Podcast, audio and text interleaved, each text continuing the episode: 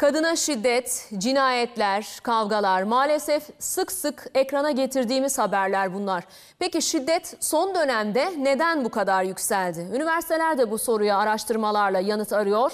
Üsküdar Üniversitesi Türkiye'nin şiddet karnesini çıkardı. Tablo oldukça karanlık.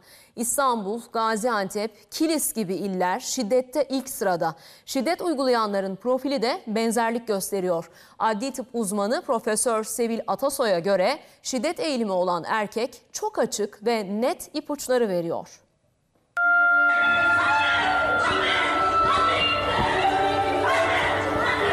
Karısını döven bir erkek utanmıyor bile.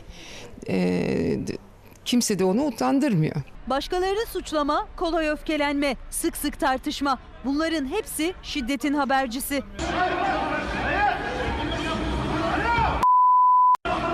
Önce sokakta birini dövmeye ya da trafik ışıklarında olay yaratmaya başlıyor. Sonra da evde de çocuğunu işte karısını dövüyor ve bunu da normal bir çözüm üretme e, tekniği olarak e, algılıyor. Akademisyenler Türkiye'nin şiddet haritasını çıkardı.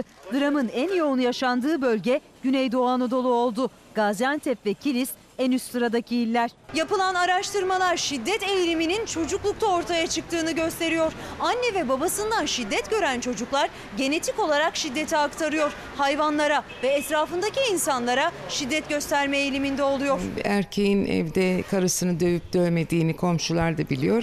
İş yerindeki arkadaşları da biliyor.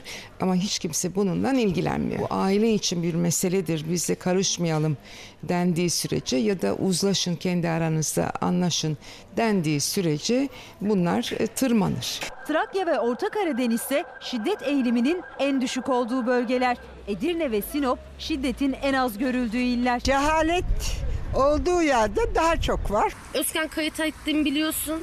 Ben de Gülay Şimşek. Aslında bir erkekte şiddet eğilimi olup olmadığını gösteren ipuçları çok net. Çok klasik bir örnek vardır buna. Denir ki evleneceğiniz adamı bir lokantaya götürün. Oradaki e, personele yani garsona filan kapıdaki kişiye nasıl muamele ediyorsa size de aşağı yukarı aynı şekilde muamele edecektir. E, başlangıçta çok cazip gelebilir kız çocuklarına. Yani işte beni seviyor, bana işte beni kıskanıyor e, veyahut da işte şöyle yapma böyle yapma diye şey yapıyor. Ama maalesef evlenmek bir hedef olmaktan çıkartılmalı.